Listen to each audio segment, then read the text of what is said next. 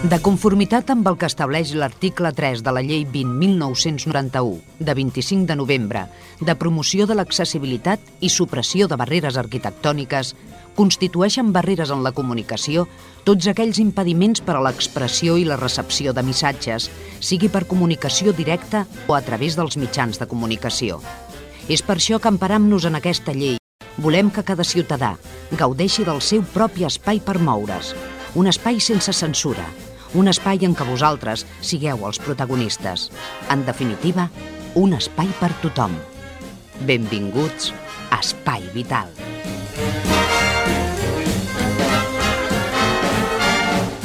Senyores i senyors, què tal, com estan? Benvinguts, ben trobats, un dia més a un programa més. Vostès, com sempre dic, ja el coneixen. Es diu Espai Vital.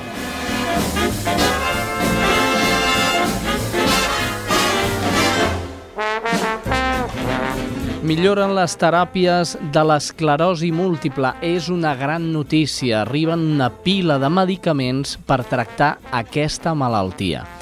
Eh, I per tractar aquesta malaltia també ens posarem en contacte avui amb Georgina Batet. Ella és logopeda de la clínica Virgen del Pilar i allà parlarem una miqueta més sobre, sobre la manera de tractar aquesta malaltia a nivell de la parla, de la logopèdia. Molt bé, en Jordi Puy, el control tècnic i un servidor, qui els parla, el Xavi Casas. 60 minuts que comencen amb 3, 2 o 1.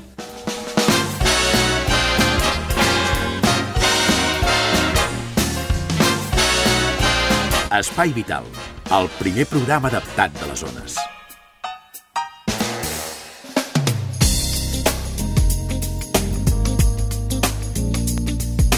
Ara a l'Espai Vital volem parlar d'un problema que el podem solucionar i vosaltres direu, quin problema? Eh, quan hi ha malalties cròniques degeneratives, una de les coses que més es perjudica, eh, jo dic per experiència, és la parla. I per arreglar la parla hem d'anar al que se'n diu un logopeda. El logopeda, fins i tot, t'ensenya aquelles coses que faciliten la parla en el cas de que una persona tingui una malaltia crònica degenerativa. I per parlar d'aquest tema tenim a l'altre costat del fil telefònic a Georgina Batet. Ella és logopeda de la clínica Virgen del Pilar. Georgina, bon dia. Hola, bon dia. Em sembla que m'he explicat bé o, o m'he fet tot un liu? No, molt bé. El logopeda és el professional que s'encarrega de l'àrea del llenguatge, tant oral com escrit, eh, tant en la parla, en la veu o en la deglució. Eh, I llavors, en totes les enfermetats neurològiques, com l'esclerosi múltiple, un Parkinson, el paper del logopeda és sumament important perquè és el que s'encarrega d'afavorir la comunicació i tractar i prevenir les dificultats que puguin haver també a nivell de deglució, que potser és una, un terreny que la gent també desconeix. Molt bé, comencem per una de les enfermetats que, eh, mira, en aquest cas eh, parlarem de la meva, Sí. l'esclerosi múltiple. Mhm. Mm? Eh, com tractem a un pacient amb esclerosi múltiple? Bueno, doncs un pacient amb esclerosi múltiple, que mm, a nivell de logopèdia, tant el d'esclerosi múltiple com el del Parkinson, trobem les mateixes dificultats. Vale? Eh, hi ha un deteriorament eh, motòric i, per tant, comencem a trobar unes mm, dificultats a nivell de, res de respiració, no? Mm. És allò que dieu, mira, és que em canso més cada vegada que camino o, que quan, o quan parlo, no? Llavors, aquestes alteracions respiratòries, que ens disminueix la capacitat, el pacient es cansa al parlar i necessita fer moltes parades per recuperar la respiració. Llavors, eh, el que fem és nosaltres eh, ajudar a millorar eh, el patró de respiració. Ah, perquè el cansament a través de la paraula tampoc el podem treure, no? Clar, clar. El que passa que nosaltres el que procurem és ajudar, eh, ajudar i compensar amb, amb noves tècniques, ¿vale? eh, per poder que aquella persona eh, busqui estratègies per millorar aquest tema de la respiració, que és el que ens permetrà després poder parlar millor i que ens entenguin millor. ¿vale? Després també tenim alteracions en la, en la musculatura de la, dels òrgans que ens ajuden a parlar. Per tant, de què estem parlant? Doncs de la llengua, dels llavis, del vel del paladar, de tots aquests òrgans que ens permeten vocalitzar, per tant parlar, i a l'hora deglutir, no? que és eh, tragar i menjar. És allò que també moltes persones amb aquestes enfermetats ens diuen és que tinc una sensació de formigueig o tinc la boca com, com, si, fos, com si la tingués dormida, no? Mm. Doncs els logopedes que fem a través d'exercicis i de moviment d'aquesta musculatura, llavis, eh, llengua, paladar, eh, exercicis de deglució, fem que aquests aspectes els anem millorant. I fem també una prevenció, si no ha arribat a ser, a ser una alteració eh, greu, vale? perquè com que són enfermetats degeneratives, també és molt important la idea de la prevenció. Al ser enfermetats degeneratives, suposo que és, eh, cada dia és un pas més avançant amb aquell malalt, no? Eh, què vull dir amb això? Que si tu mm, li fas una sèrie de pràctiques amb el malalt i el dia següent arriba torçat, per entendre'ns, uh -huh. hauràs de tornar a començar tot allò que ja havies fet, no? Sí, bueno, clar, eh, aquestes enfermetats ens donen sorpreses. Val? Pot ser que estiguem treballant i que aquella persona evolucioni molt i tingui un brot i llavors eh, empitjori, no?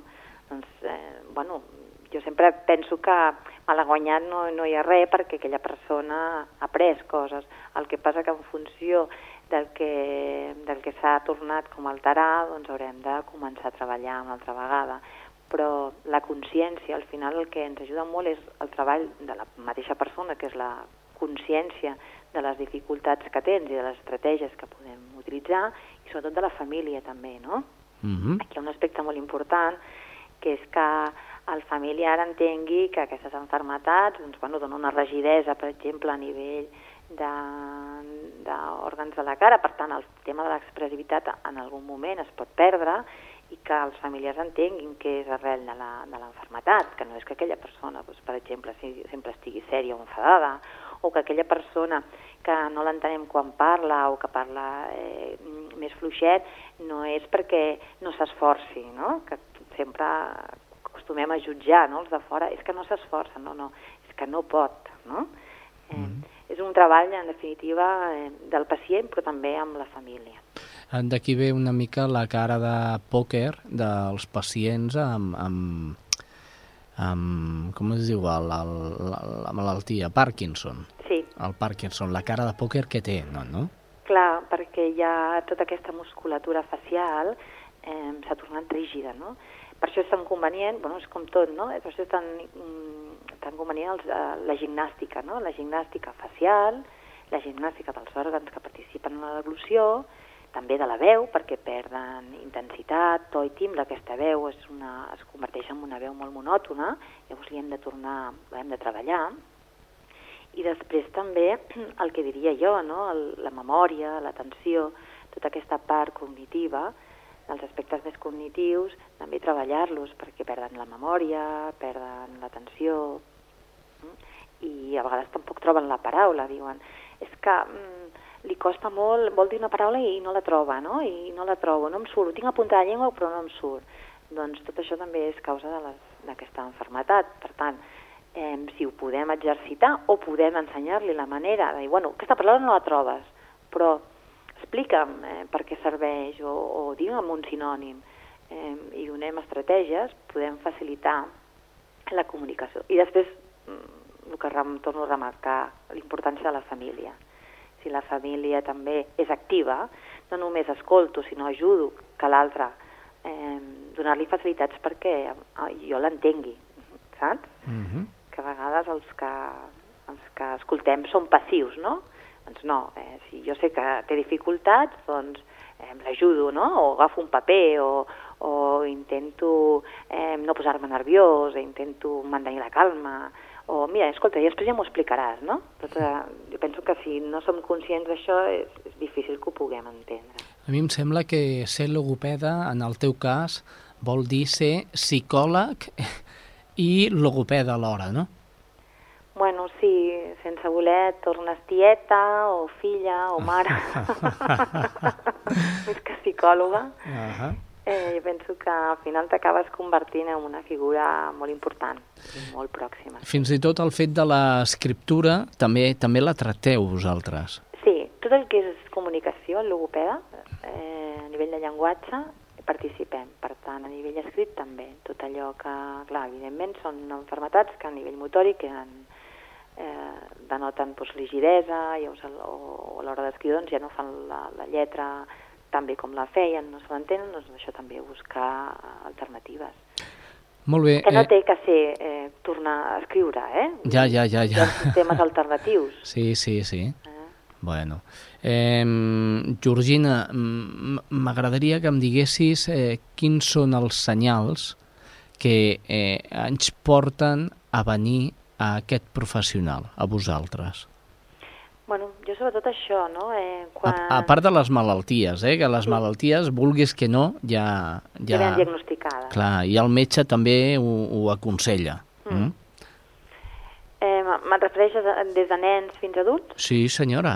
Vale, doncs eh, des de nens fins a adults eh, seria dificultats en la parla, no? Mhm. que això ho veiem tots, des d'una simple R, no? que el Sí. nen no diu la R, o confon la Z per la S, Ah, o des d'un nen que resulta que eh, li han dit al dentista que ha de portar aparells i fa una deglució atípica, que es diu, és a dir, que el moviment de la llengua és incorrecte i en comptes d'empènyer contra el paladar, empenyem contra les dents, l'empenya contra les dents, avancem les dents. Llavors el dentista et diu, ep, que hem de posar braques, no? ah, Doncs eh, moltes vegades, bueno, la majoria de vegades és, més, és recomanable que el logopeda abans de posar els braques treballi i després, quan li treguin els braques, continuï treballant. Perquè si la funció no la corregim, per molt que canviem la forma, si la funció continua sent errònia, eh, els, les dents estaran bé un temps, però després tornaran a estar malament.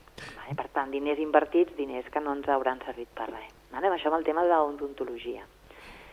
Tema de veu, disfonies, eh, nens o persones adultes que tenen una feina, ràdio, mestre, eh, feines en què les persones han de parlar fort o criden i resulta que tenen una mala tècnica vocal, doncs eh, provoca disfonies, també, ho, també ajudem.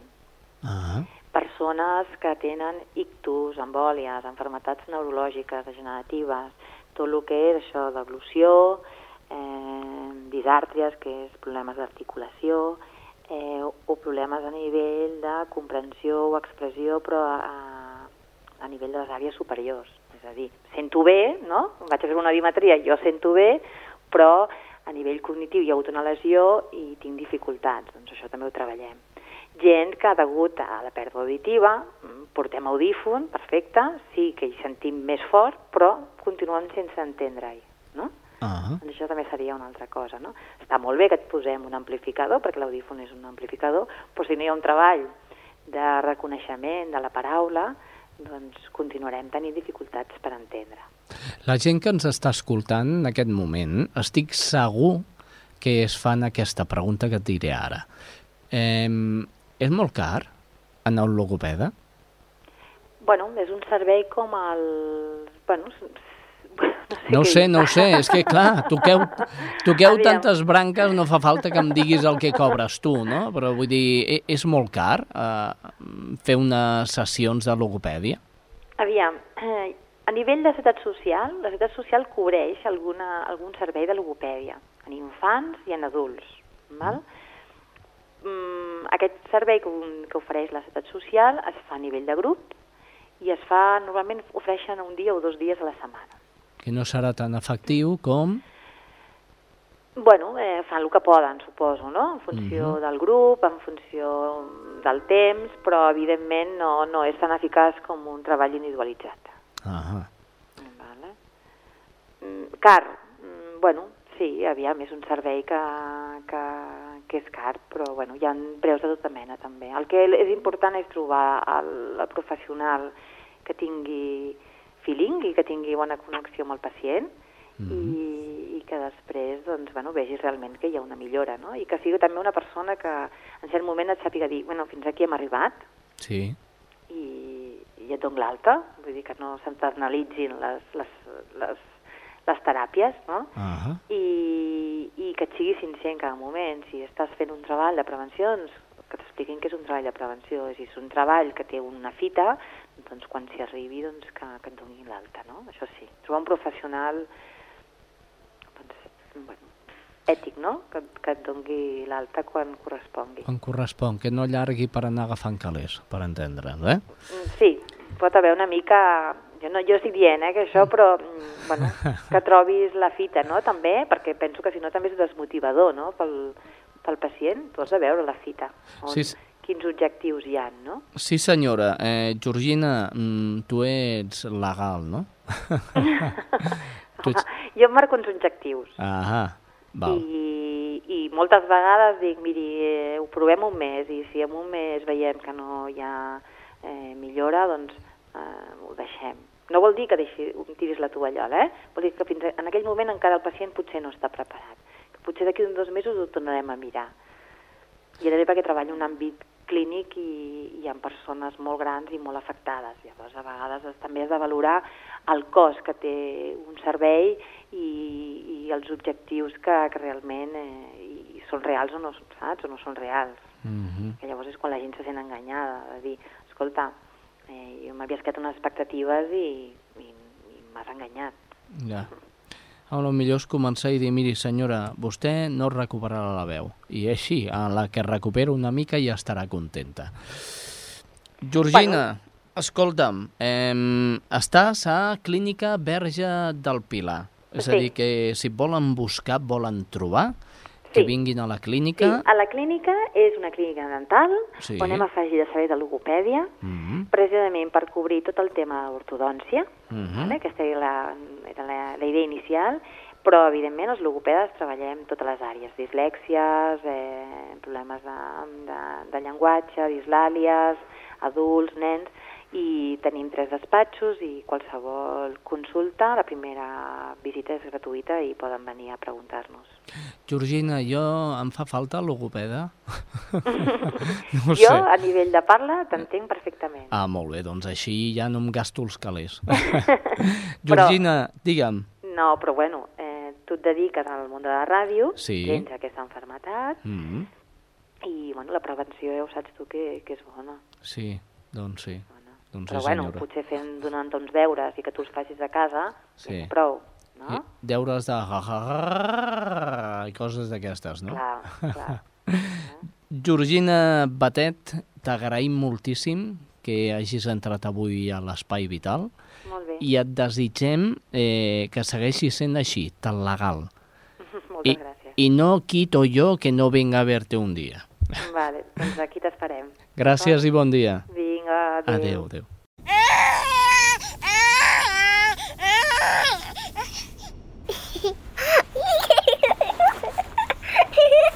Potser no ens sents, però hi som. Potser no te n'has adonat, però sense la teva ajuda segur que no hi seríem. Festa soci de la Creu Roja. Truca al 902 22 22 92.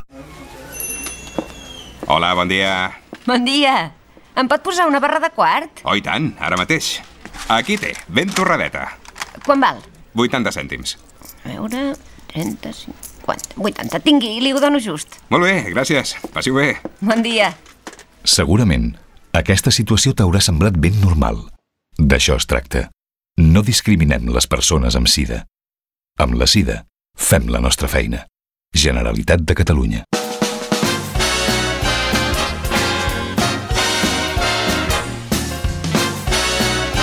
Espai Vital, el primer programa adaptat de les zones.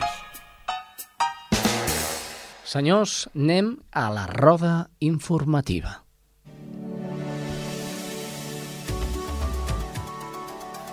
Una roda informativa que comença avui per Cerdanyola. Des d'allà ens informa Rosa Morante. Salutacions des de Cerdanyola Ràdio. La Fundació ASCAM, Centre Tecnològic de Referència Internacional en Tecnologies Industrials, ubicat a Cerdanyola, ha signat un conveni de col·laboració amb la Fundació Barcelona Macula Foundation amb l'objectiu de desenvolupar conjuntament solucions tecnològiques que permetin avançar en la lluita contra la ceguesa. La ceguesa afecta al 0,15% de la població espanyola. El conveni estableix les bases de col·laboració entre dues fundacions per avançar en el desenvolupament de sistemes i instrumental que permetin abordar distintes teràpies de regeneració celular per a la recuperació de la visió. Segons el doctor Jordi Monés, en director de la Barcelona Macula Foundation, el coneixement de les patologies i la nostra experiència en múltiples projectes d'investigació els permet treballar en el desenvolupament de tractaments i tecnologies d'aplicació clínica que evitin la pèrdua de visió i que permetin recuperar-la quan ja s'ha produït. La Barcelona Macula Foundation és una fundació sense ànim de lucre dedicada a promoure i ajudar a la investigació de malalties relacionades amb la màcula, la retina i la visió en general. Actualment la ceguesa afecta el 0,15% de la població espanyola, més de 70.000 persones. Segons dades facilitades per l'ONCE, més de 700.000 persones pateixen degeneració macular associada a l'edat i prop de 2 milions tenen retinopatia diabètica. Els experts estimen que 8 de cada 10 casos de ceguesa són evitables amb mesures de prevenció i diagnòstic precoç. Els avenços tecnològics són imprescindibles no només per a la reducció de la ceguesa o la limitació visual de les persones, sinó també per disminuir el cost econòmic que representa. I de moment això és tot des de Cerdanyola Ràdio fins la setmana vinent. Gràcies, Rosa Morante. Eh, I de Cerdanyola ens en anem cap a Barberà. A Barberà ens informa, com sempre, Judit González. Salutacions de Ràdio Barberà. El passat 27 d'abril, l'associació Corazón de León Lucha contra el Càncer Infantil va dur a terme a la nostra ciutat la representació Bienvenidos al Manicomio. Juntament amb el grup de teatre Paniquet, es va dur a terme aquest espectacle benèfic en el qual es mostrà la passió d'explicar les coses d'un grup de bojos genials i els seus somnis. Com sempre, els beneficis aconseguits van destinats a la investigació científica per lluitar contra el càncer. Cal recordar que l'Associació Corazón de León és una entitat sense ànim de lucre que dona suport a les famílies de nens i nenes amb càncer i que té la finalitat de recaptar fons per millorar la qualitat de vida dels pacients i avançar en el desenvolupament de tractaments preventius, curatius i pal·liatius del càncer infantil. Fins la setmana vinent. Gràcies, Judit González, des de Barberà cap a Montcada. A Montcada eh, ens passa la crònica avui Sílvia Alquezar. Hola, salutacions per a l'Espai Vital. El casal de la gent gran Casa de la Mina de Montcada i Reixac organitza al maig un taller sobre qualitat de vida adreçat als majors de 60 anys, amb l'objectiu de fomentar les actituds positives envers a la bellesa i les seves capacitats, desenvolupant el coneixement de si mateix i els aspectes positius de l'autoestima, a més de potenciar el sentiment de valor personal en diferents entorns com els amics i la família. El curs també pretén pretén propiciar activitats que augmentin la qualitat de vida dels participants tant en els aspectes físics, psicològics com socials, fomentar la capacitat autoreflexiva i iniciar en la pràctica de tècniques de relaxació, entre d'altres aspectes. L'activitat consisteix en tres sessions d'hora i mitja cadascuna, amb contingut teòric i pràctic, i es faran els dies 13, 20 i 27 de maig. Fins la setmana vinent. Gràcies, Sílvia Alquézar. I de Montcada anem cap a l'altra punta, cap a Santa Perpètua. Des de Santa Perpètua ens informa Estrella Núñez. Hola, amics i amigues de l'Espai Vital. Aquest any un grup de perpetuencs ha aconseguit el repte i ha acabat la Trail Walker que organitza Intermón Oxfam per recaptar fons per a les seves accions solidàries. Amb el nom de Perpètua Moguda, Eloi Gispert, David Homet, Jordi Ricard, Gemma Gurria, Joan Colomines i Marta Sant Romà han recorregut 100 quilòmetres en 23 hores. La jornada es va desenvolupar el cap de setmana passat entre Olot i Sant Feliu de Guíxols. Per participar també han hagut d'aconseguir 1.500 euros de donatius. Perpètua Moguda ha agraït la implicació de més d'una trentena d'empreses que han fet aportacions aportacions i la de les persones que van adquirir samarretes fetes per aquest esdeveniment.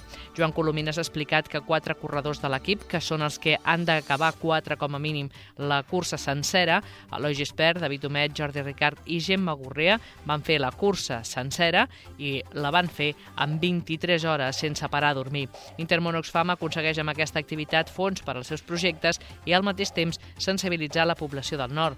Els 100 quilòmetres són la distància que han de fer moltes dones a Somàlia per anar a buscar aigua. Colomines ha comentat que després de fer-la és una distància espectacular. De moment, això és tot. Fins la setmana vinent des de Santa Perpètua. Gràcies, Estrella Núñez, i de Santa Perpètua ja. La última de les cròniques ens arriba de eh, Ràdio Sabadell. Des de Ràdio Sabadell ens informa Karen Madrid. Salutacions des de Sabadell. Uns 600 sabadellencs pateixen Parkinson tenint en compte la prevalença d'aquesta malaltia, però només estarien diagnosticats uns 450 pacients. Des de les entitats que treballen amb aquest col·lectiu apunten que molts dels símptomes de la patologia passen per alt, com la pèrdua de l'olfacte o el gust, la davallada de la vitalitat o la rigidesa en la postura. No obstant això, el més preocupant per les entitats no és aquest factor, sinó el fet que moltes persones sospiten que tenen la malaltia i no es fan les proves perquè no la volen assumir. De fet, alguns pacients fins i tot són diagnosticats i es neguen a tractar-se, a més de portar el Parkinson en secret. Per tot plegat, els professionals sanitaris insisteixen que el més important és superar l'estigma que pesa sobre aquesta malaltia. He tenido muy poca autoestima, muchas inseguridades y sigo sintiéndome poquita cosa al lado de los demás. Soc Mercè, afectada de psoriasi i membre d'Acció Psoriasi. Si vols conèixer el veritable impacte de la psoriasi, una malaltia que va més enllà de la pell, et convido que visitis enprimerplano.org. Saps llegir, ells no. Podem canviar-ho. Truca a Mans Unides 93 487 78 78. Units treballarem per a donar una educació completa als nens sense escolaritzar que hi ha al món. Mans Unides 93 487 78 78. Estàs escoltant Espai Vital. Ara a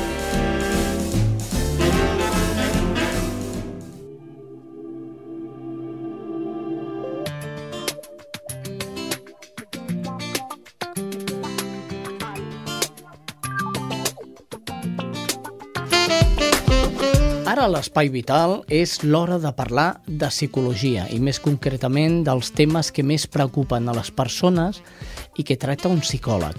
Quan hem d'anar al psicòleg eh, ja ho vam parlar la, la setmana passada, però senyor Guinot, quan hem d'anar? Quan hem d'anar a un psicòleg? Bon dia. Bon dia. Quan hem d'anar? Home, mira, jo tenia un client que deia no aniria malament venir de, tant, de tant en tant. Com a mínim un cop cada tres mesos hauria de venir un dia i, uf, i, i treure totes les històries. No, avui, concretament a parlar amb el tema de, de parelles, Mm -hmm. vale? i quan hauríem d'anar a un psicòleg per un tema de parella. Aquí parlaríem eh, doncs, del que dèiem ja l'altre dia d'aquelles parelles que comencen a entrar en bucles de conflictes continus, de discussions, de no tro aconseguir trobar punts en què la comunicació és fluida, en què hi ha un treball conjunt, vale? hi ha discrepàncies, hi ha com alguna cosa que no acaba d'anar a l'hora. En canvi, aquestes parelles, pues, home, tot sovint el que t'expressen és que el carinyo sí és, jo vull estar amb la meva parella, però en canvi no acaba de trobar la, la manera, la connexió de que això funcioni. En diem-li passió, per exemple? Mm. Sí, perquè mo moltes parelles, eh, dic jo, senyor Guinot, moltes mm. parelles eh, fan un cicle a la vida mm. a la que quan s'enamoren eh, és una explosió total amb la parella i a poc a poc, a mesura que va passant el temps, aquest amor eh, o aquesta passió es va acabant. Potser també és un, un, un fet significatiu, no? bueno, aquí podríem parlar del que és en si l'enamorament. És a dir, l'enamorament, tal com el coneixem, pel·lícules americanes a banda, sí. eh, vale, és un fet que es pot arribar a considerar fins i tot en alguns moments com a patològic. És a dir, pot arribar a ser patològic l'enamorament. L'enamorament és un procés químic en el qual doncs, hi ha una sèrie d'alteracions d'hormones doncs, que fan allò que es tinguem, com vulgarment es diu, amb aquella cara de, de, de panolis, no? que et diuen, hosti, fas una cara que... Eh? Vale. Eh, et, fa, et crea un estat induït d'eufòria que dura un temps, vale? això dura uns mesos, pot durar dos, tres mesos, després això, evidentment, es va apaivagant i apareix un altre tipus de relació. O sigui, això molt possiblement no serà així tota la vida. I aquí sí és capaç de mantenir-ho durant molt de temps a un cert nivell, però evidentment les coses s'apaivaguen. Això seria, seria una part. Per aquí parlem quan comencen a aparèixer altre tipus de problemes, és a dir, hi ha hagut com una desconnexió entre les dues parts. Ah. És a dir, sembla que cadascuna fa una mica pues, la guerra per la seva banda han evolucionat, és a dir, la gent evidentment evoluciona, poden evolucionar de maneres diferents, i aquí estan entrant en conflictes, i aquí és quan haurien de parlar de quines coses no estan funcionant o per què aquestes coses no estan funcionant. Què és el que està passant? Eh, hi ha un problema de comunicació, evident, segur, i una altra cosa que passa moltes vegades, això quan deies, quan desapareix aquest mm, enamorament, aquesta passió inicial, doncs jo sempre dic a la gent que havent entès malament allò de trobar la teva mitja taronja. Ja. No? Si tu busques la, mitra, la teva mitja taronja vol dir que has de trobar algú que t'ha de complementar.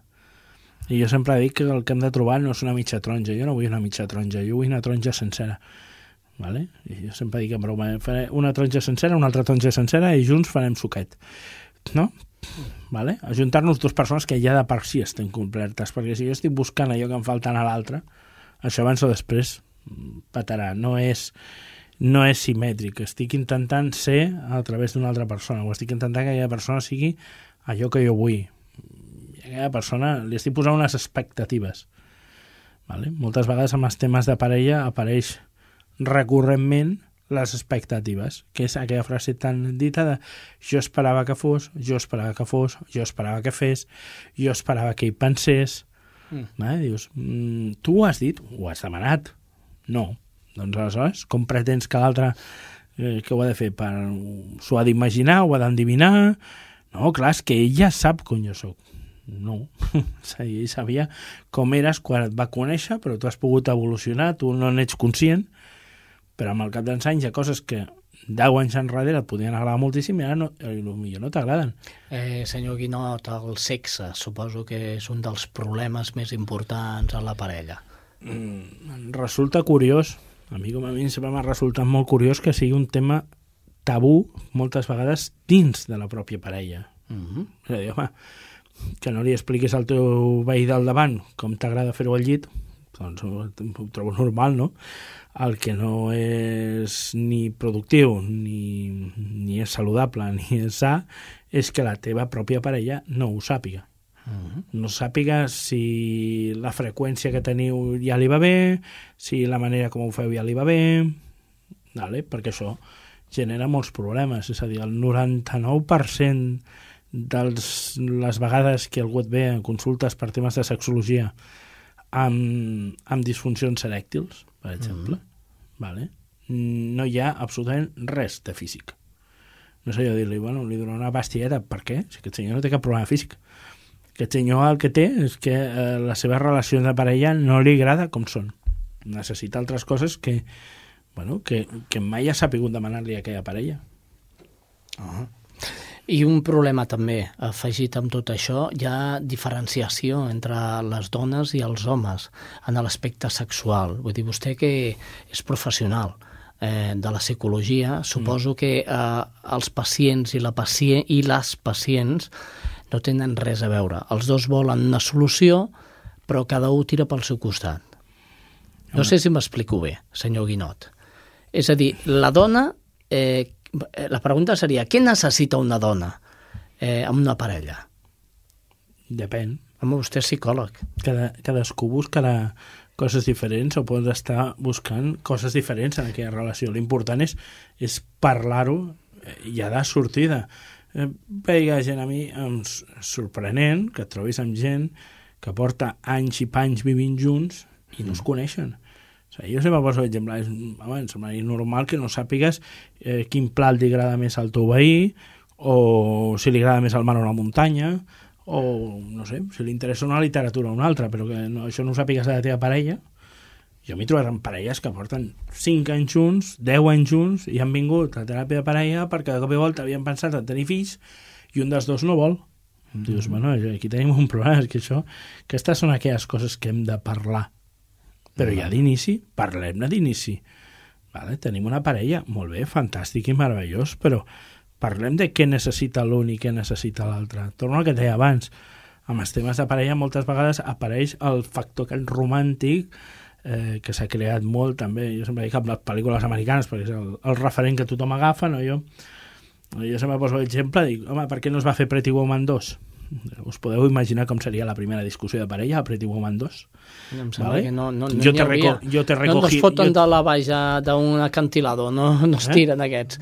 Els sí, de Pretty no, Woman, sí, no, home. No, no recordo el final a, sui, de la a suïcida, em sembla, al final. Bueno, no ho sé, no ho sé, perquè tampoc no... Bueno, no Eh, recordo. no hagués hagut discussió, senyor Guinot. Eh, S'han fotut de dalt a baix i ja no hi ha... Bueno, però en, en, cas, en cas que hi fossin, sí. eh, diries, seria jo la discussió. Claro, es que yo a ti te recogí en la calle y tú que, que ibas cogiendo cualquiera por ahí. Eh, clar, estem parlant de dues persones de dos mons absolutament diferents que no tenen res que veure, que es pensi que aquesta relació té algun futur per moltes ganes que s'hi vulgui posar-hi. Aquesta Sí. relació potser no té futur Ja. perquè mm, aquelles dues persones, mm, home, doncs gaire, gaire compatibles no semblen. Llavors això és una cosa que també s'hauria de tenir en compte i que eh, massa sovint les parelles no tenen en compte. De sortida, parlem-ho. Què, què vols tu de la vida? Què espero jo? Si jo la parella que he conegut eh, vol tenir 10 fills i jo no vull tenir fills, doncs, eh, escolta, ja d'entrada primer que us plantegeu la relació, no? si aquesta relació tindrà futur. De sortida podrà funcionar fantàsticament bé perquè funcionaran moltes altres coses, però aquesta no funcionarà, ni funcionarà mai. Vale? I, una, I una relació és un conjunt de coses. Eh, una manera de dir-ho seria que una relació de parella es divideix en dos parts. Un 50% és al llit i un 50% és fora del llit, és al sofà. És a dir, que el llit és... Eh, Els dos han de funcionar. Molt important, el llit també. Eh? És, és, és per aquí on volia arribar, no? Vull dir, la relació de parella eh, pot estar molt bé, però si falta el llit eh, es creen els problemes també, no? Home, que... llavors, llavors no som una parella, llavors som dos amics que viuen junts. I punto, no?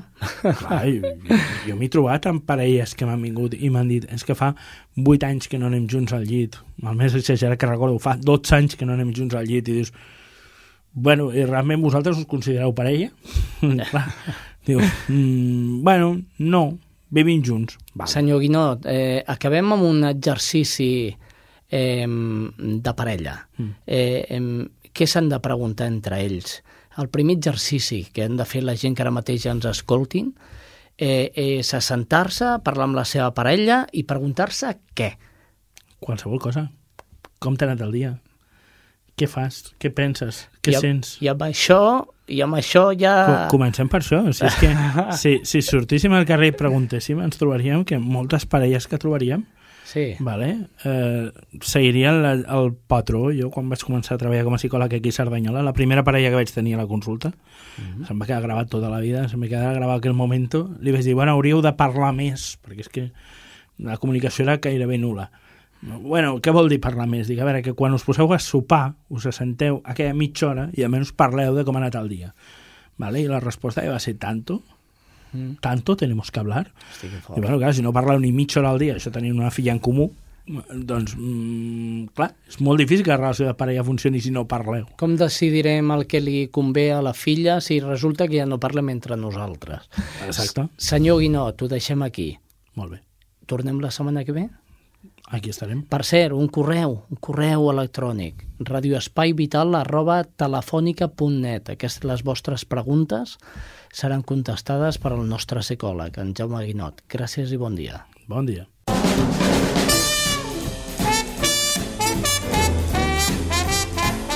Estàs escoltant Espai Vital. I repartit per tot el Vallès Occidental. Senyores, senyors, és el moment d'escoltar el capítol del món groc. És un capítol d'un llibre d'Albert Espinosa eh, que està, que està molt bé. I com està molt bé, nosaltres aquí ho passem amb la veu de Carlos Soler. Senyors, el món groc. A continuació us oferim El món groc, una obra d'Albert Espinosa. Versió radiofònica produïda per l'associació Espai Vital.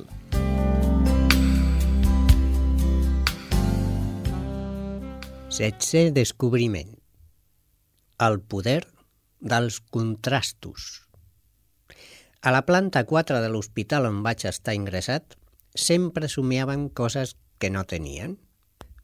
Més endavant, m'he dedicat a fer conferències pels hospitals i molts malalts m'han dit el mateix.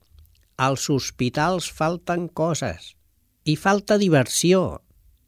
A l'hospital nosaltres teníem aquesta màxima. No ens morirem de càncer, sinó d'avorriment.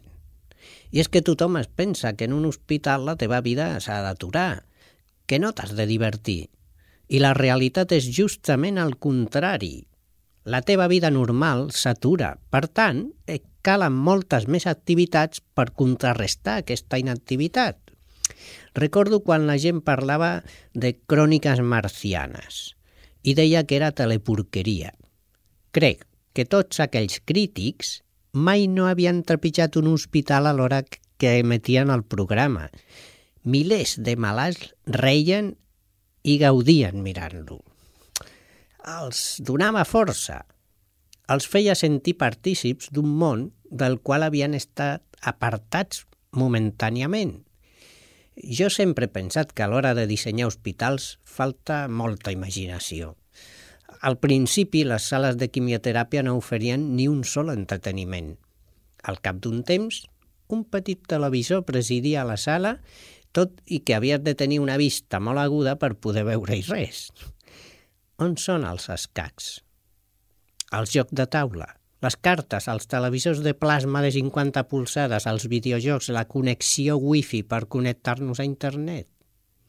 Sí, sí, no faig cap broma. Tot això s'hauria de poder trobar als hospitals. Connectar la gent amb el món és molt necessari per poder lluitar en condicions. De vegades no s'adonen del potencial vital dels malalts. Jo sempre he recomanat que els malalts mateixos facin conferències. Tenen experiències que us deixarien bocabadats. Segur que si la conferència tingués lloc a l'exterior, hi aniríeu. Per tant, imagineu-vos que qui la fa és el vostre company d'habitació amb el pijama blau i que el teniu just al costat. Quan estàs malalt, apareix la teva segona vida.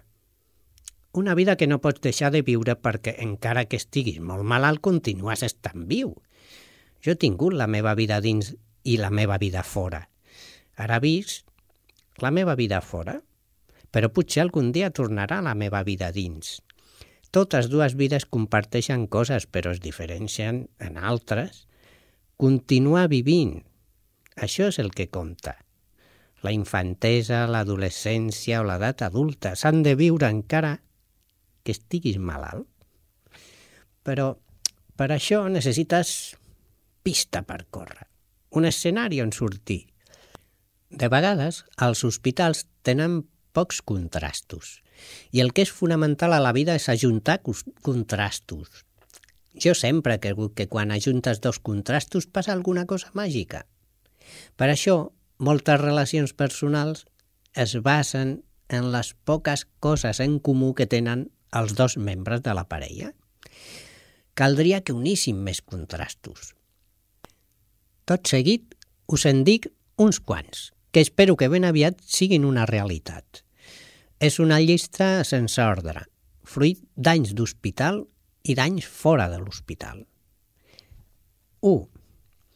Una piscina olímpica en un hospital. La natació faria tant de bé a tants i tants malalts que seria inimaginable poder submergir-te i sentir-te com un peix. 2. Una pista de bitlles en un aeroport. Desfogar-se és vital.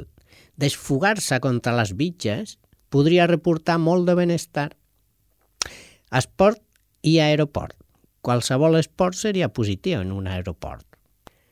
Ara ja hi comença a haver de gimnasos. Deuen fer tant de bé. 3. Una perruqueria en un cinema. Un bon tall de cabells abans d'anar a veure la, la pel·lícula. Me'n vaig al cinema i a tallar-me els cabells. Que hi trobessis algú que et proposés un nou estil, un afeitat o simplement un massatge o una depilació seria fantàstic. Quina pel·lícula diu que anirà a veure? Doncs li recomano aquest pentinat. 4.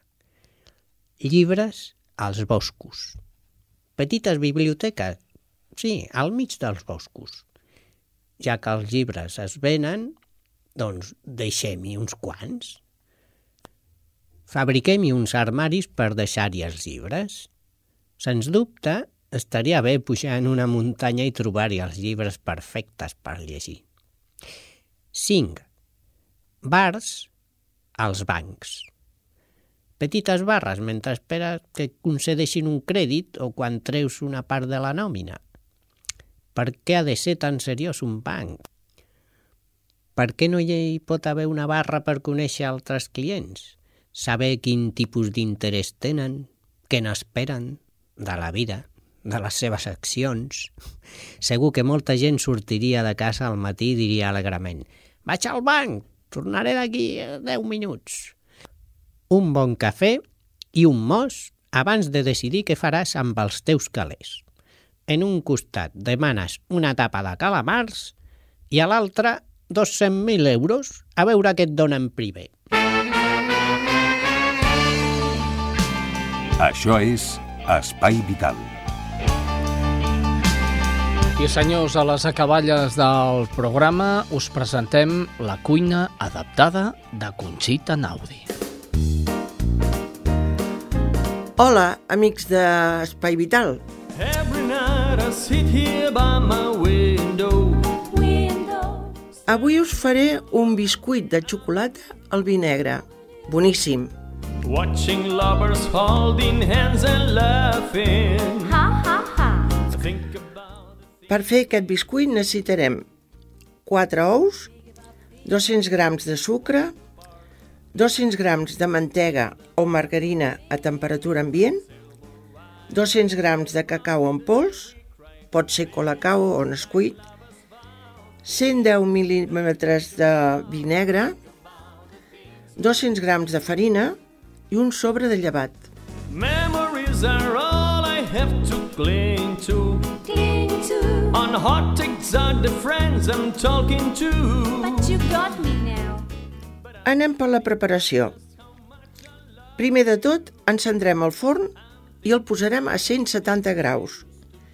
Amb ventilador, i aleshores preparem els ingredients. En un bol posarem els ous i els baterem fins que augmentin una mica el volum. Després afegirem el sucre i continuarem batent fins que aquest s'hagi dissolt bé. També posarem la mantega a temperatura ambient i continuem barrejant. Incorporem el cacau i el vi i tornem a barrejar. I finalment hi posarem la farina i el llevat en un colador o sedàs i el col·locarem sobre el bol i anirem donant-li copets fins que la farina i el llevat quedin ben fins. I tornarem a remenar amb una espàtula perquè es barregi tot bé.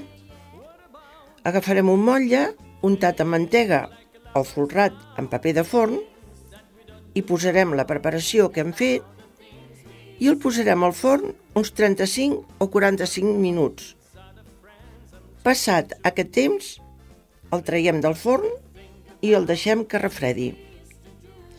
Aquest biscuit es pot decorar amb sucre glaç, amb xocolata o farcir-lo amb nata muntada. Pot ser un pastís d'aniversari o un pastís per esmorzar. Segur que us ha passat que després d'obrir una ampolla de vi negre per un dinar o sopar, us sobra sempre un gotet. No el tireu i feu aquest biscuit, us encantarà. I si no ha sobrat, doncs n'obriu una de nova i organitzeu un sopar. D'acord? Doncs bon profit, a disfrutar-ho. Molt bé, senyors, eh, marxem amb Joaquín Sabina i el tema 19 dies i 500 noches. La setmana vinent hi tornem. Apa, adeu-siau. Lo nuestro duró Lo que duran dos peces de hielo en un whisky on the rocks. En vez de fingir o estrellarme una copa de celos, le dio por reír. De pronto me vi como un perro de nadie ladrando a las puertas del cielo. Me dejó un neceser con agravio, la miel en los labios y escarcha en el pelo. Tenía razón. Mis amantes, en eso de que antes el malo era yo, con una excepción. Esta vez yo quería quererla querer y ella no, así que se fue. Me dejó el corazón en los huesos y yo de rodillas. Desde el taxi y haciendo un exceso me tiró dos besos, uno por mejilla. Y regresé a la maldición del cajón sin su ropa, a la perdición de los bares de copas, a la cenicienta de saldo y esquina. Y por esas ventas del fino laína, pagando las cuentas de gente sin alma que pierde la calma con la cocaína, volviéndome loco. Derrochando la bolsa y la vida, la fui poco a poco dando por perdida.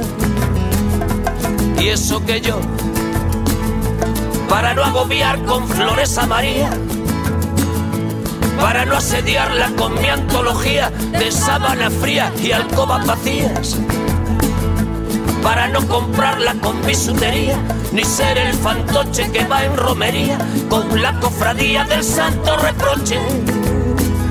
Tanto la quería que tardé en aprender a olvidarla. 19 días y 500 noches. Dijo hola y adiós. Y el portazo sonó como un signo de interrogación. Sospecho que así se vengaba a través del olvido. Cupido de mí. No, no pido perdón no pido perdón. Para que si me va a perdonar, porque ya no le importa. Siempre tuvo la frente muy alta, la lengua muy larga y la falda muy corta. Me abandonó como se abandonan los zapatos viejos. Destrozó el cristal de mis gafas de lejos, sacó del espejo su vivo retrato fui tan torero por los callejones del juego y el vino que ayer el portero me echó del casino del Torrelodones. Qué pena tan grande. Negaría el santo sacramento en el mismo momento que ella me lo mande. Y eso que yo, para no agobiar con flores a María, para no asediarla con mi antología de sábana fría y alcoba vacía. Para no comprarla con bisutería, ni ser el fantoche que va en romería con la cofradía del santo reproche. Tanto la quería que tardé en aprender a olvidarla. 19 días y 500 noches.